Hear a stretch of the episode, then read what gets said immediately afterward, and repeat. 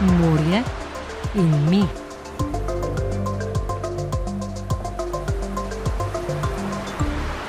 Yes, it is my first time in Europe, actually. Um, ja, pravzaprav sem prvič v Evropi. Nikoli nisem bila nikjer, razen v Avstraliji, Novi Zelandiji in na Pacifiku in seveda v nekaterih delih Azije. Za poletno šolo Imberklein 8 v Kopru v Sloveniji sem izvedela preko objave kolega na LinkedInu. Takšne priložnosti za obisk Slovenije nisem hotela zamuditi. In zdaj, ko sem tu, ugotavljam, da je Slovenija še lepša, kot sem si jo predstavljala. Raziskujem morsko algo Kaulerpo. To je mikroalga, ki jo uživamo na Salomonovih otokih. To je del naše kulture, predstavlja del dohodka in je pomembna za preživetje ljudi. Mi je ob mojem obisku poletne šole globalne raziskovalne mreže Imber in Koperskega ZRS-ja pojasnjevala nasmejana doktorska študentka Chelsea Gomeses Salomonovih otokov v Južnem Tihem oceanu. V humanističnem centru ZRS je bilo vzdušje živahno, sproščeno. Mladi raziskovalci iz celega sveta so se pogovarjali, izmenjevali znanja, ter drug drugemu in predavateljem na posterjih predstavljali svoje raziskovalno delo. Chelsea Gomez denimo je pred tremi meseci upisala doktorski študij na univerzi Wollongong v avstralskem New South Walesu. Da, pred tremi meseci sem upisala doktorski študij, tako sem še na zelo zgodni stopni svojega raziskovanja. In ker imamo o ribah in nevretenčorjih upravljenih veliko raziskav, sem se odločila za preučevanje vodnih rastlin in morskih alg ali mikroalg, ki so poleg ribištva prav tako pomembne za preživetje ljudi. Prav za Kaulerpo pa si bom prizadevala, da bi jo kot pomembno prepoznala tudi politika v naši državi. Obenem pa želim z raziskavami prispevati k ohranjanju staroselskega znanja o tej algi in k njegovem prenosu na prihodnje generacije. Tropska območja so v raziskovalnem smislu podhranjena, opozarja Reila Djambo, mlada raziskovalka Univerze v Cape Coastu v Gani. Tudi ona je prvič v Evropi. Kot mi je povedala, raziskuje ekologijo fitoplanktona v povezavi s podnebnimi spremembami in opozarja na premajhno zastopanost tropskih območij, tropskih ekosistemov in ekoloških raziskav fitoplanktona kar je prikazala tudi na svojem plakatu.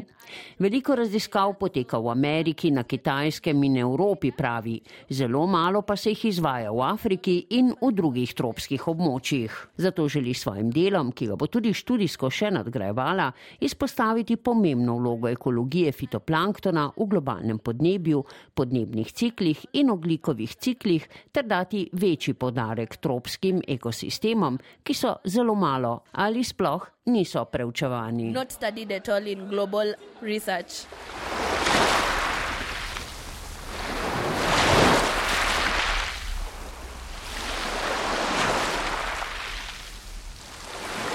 Koperska poletna šola Climb Eco, globalne raziskovalne mreže Imber, usmerjene v trajnost oceanov, je bila zadnja od osmih, ki so jih zadnjih 16 let vsake dve leti organizirali na različnih koncih sveta. Interdisciplinarna predavanja in delavnice mednarodno uveljavljenih znanstvenikov z področja raziskovanja morja je povezoval naslov Oceani za prihodnost, kakršno si želimo. V ZRS-ju je za soorganizacijo poskrbela predstojnica Mediteranskega inštituta za okoljske študije, dr. Irneja Penca. Naslov je nekako poenoten z delom uh, desetletja Združenih narodov uh, znanosti za oceane.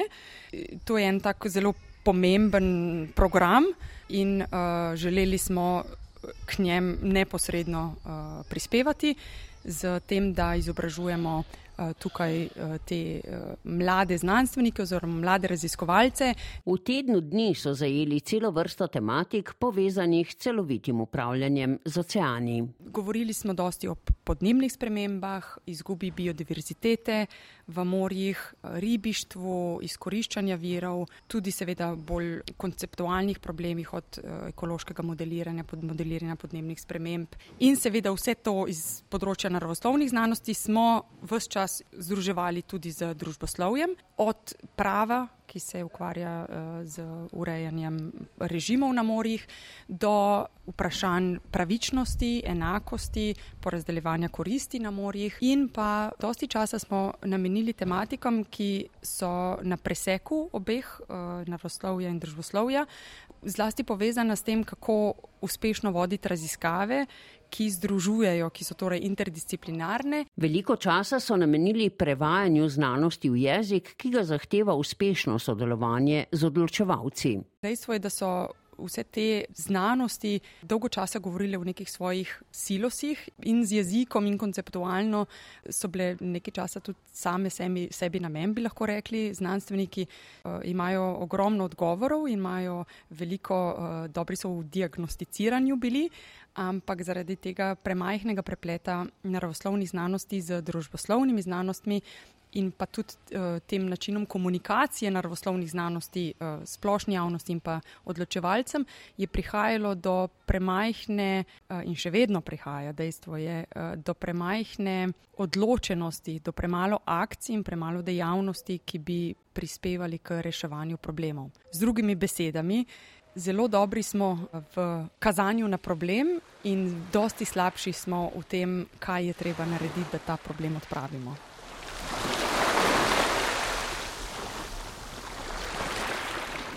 Težav, ki jih morskim ekosistemom povzroča človek s svojimi dejavnostmi, je veliko. Med tistimi, ki jim trenutno namenjamo največ pozornosti, so podnebne spremembe. O teh je na poletni šoli predavala dr. Greta Pecel, profesorica ekologije podnebnih sprememb na Univerzi v Tasmaniji in direktorica Centra za morsko socialno ekologijo. Prvič sem jo v Kopru srečala pred nekaj leti, ko je na Univerzi na Primorskem predavala o velikem preseljevanju organizmov zaradi segrevanja ozračja in s tem morja. Od takrat pa so se razmere že zaostrile. Ja, trendi morskih podnebnih sprememb v zadnjih nekaj letih postajajo zagotovo vse bolj zaskrbljujoči, zlasti v tem trenutku. V mnogih delih sveta se je temperatura oceanov v zadnjih šestih mesecih namreč precej povýšala.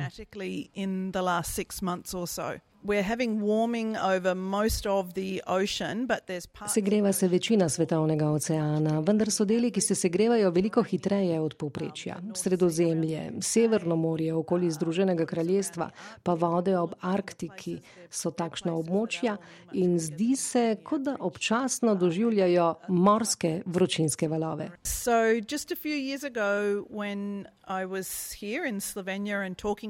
Torej, pred nekaj leti, ko sem bila tukaj v Sloveniji in sem predavala o morskih podnebnih spremembah, sem govorila le o primerih migracij nekaterih vrst zaradi podnebnih sprememb. Torej o tem, da se rastline in živali na severni polobli pomikajo vse bolj proti severu, rastline in živali na južni polobli pa še bolj proti jugu. Ampak po zdajšnjih ocenah se je že polovica rastlin in živali na Zemlji preselila, premaknila zaradi podnebnih sprememb. already having shifted because of climate change? Dejstvo, da se rastline in živali selijo, je v mnogih pogledih dobra stvar, ker je dokaz, da se vrste in ekosistemi prilagajajo podnebnim spremembam.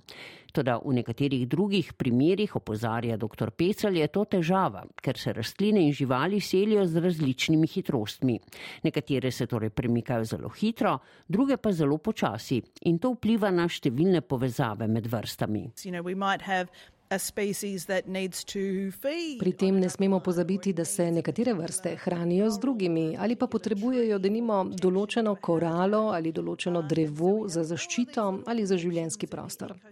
Vse te majhne povezave v ekosistemu pa se zaradi selitev prekinejo in se vzpostavljajo nove, torej gre dobesedno za preoblikovanje naših ekosistemov, ki se dogaja na kopnem in v oceanih. Govorimo torej o številnih spremembah v ekosistemih zaradi podnebnih sprememb. To pa posledično seveda vpliva na ljudi, ki so od teh vrst odvisni zaradi hrane ali kulturnih praks.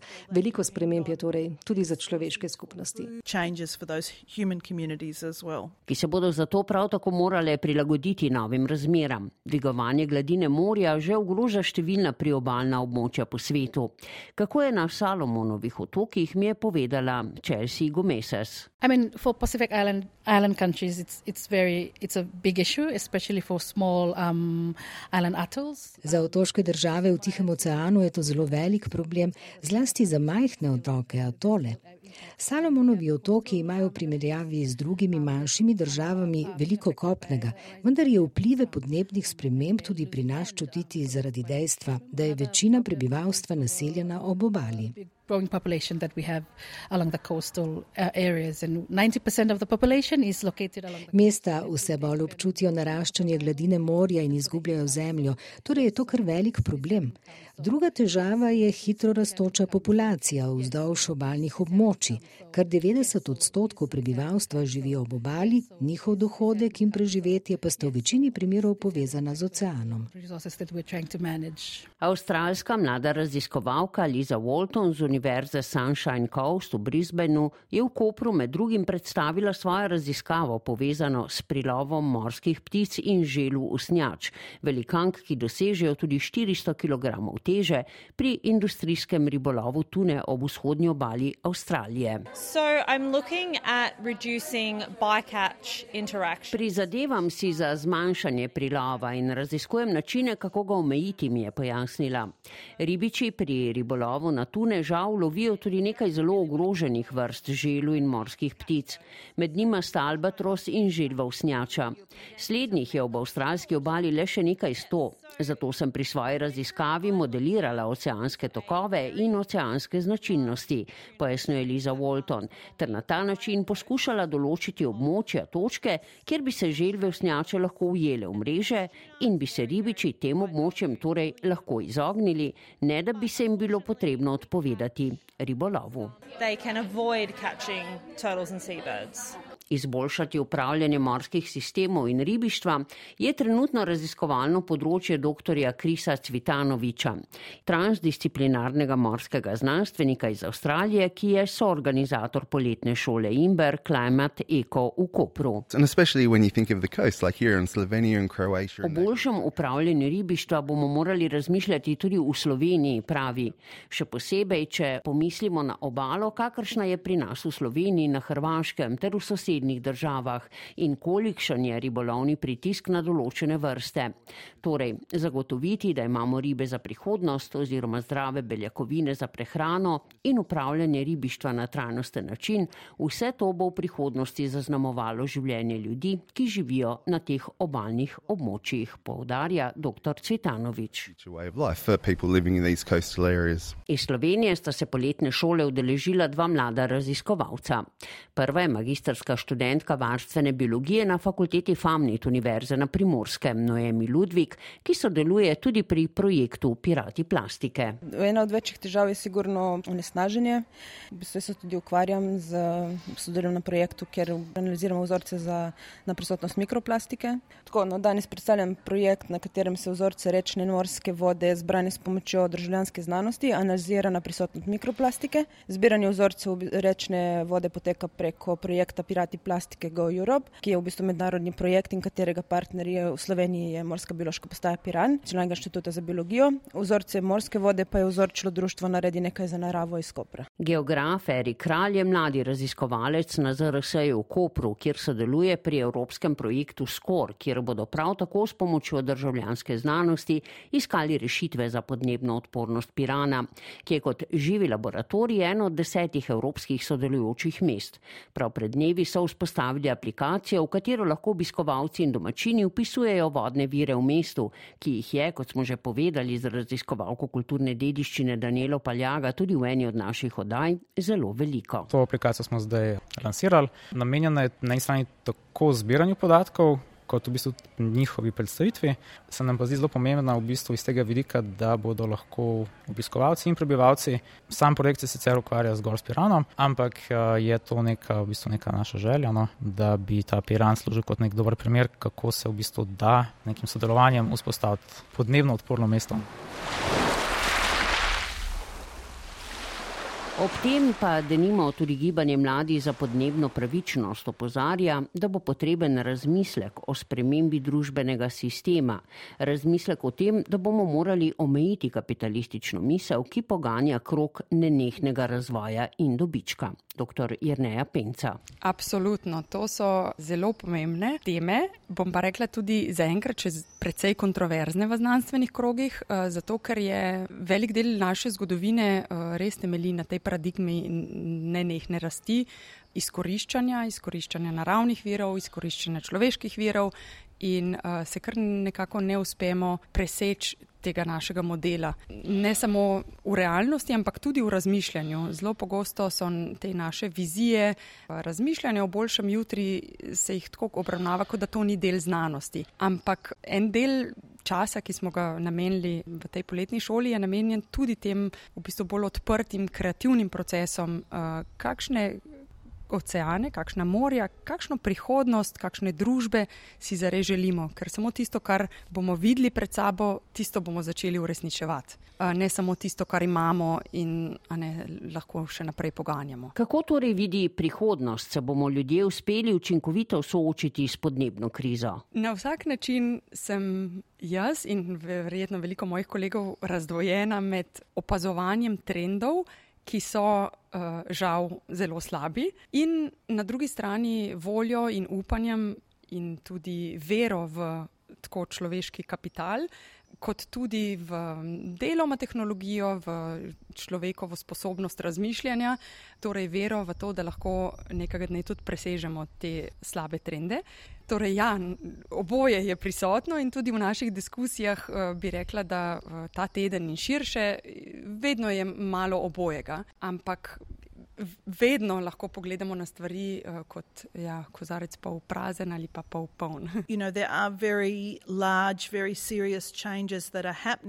In čeprav se dogajajo zelo velike, zelo resne spremembe, ki ob napovedih za prihodnost zbujajo zaskrbljenost in občutek nemoči glede tega, kaj lahko naredimo, pa se je, po moje, po drugi strani, zelo pomembno spomniti, da je vedno lahko pravi trenutek, da naredimo več. In torej, karkoli naredimo zdaj, v tem trenutku, bo zagotovo prispevalo k izboljšanju razmer. Če se uspemo izogniti že najmanjši stopni rasti segrevanja, bo to zagotovo izboljšalo življenjske pogoje rastlin, živali in ljudi.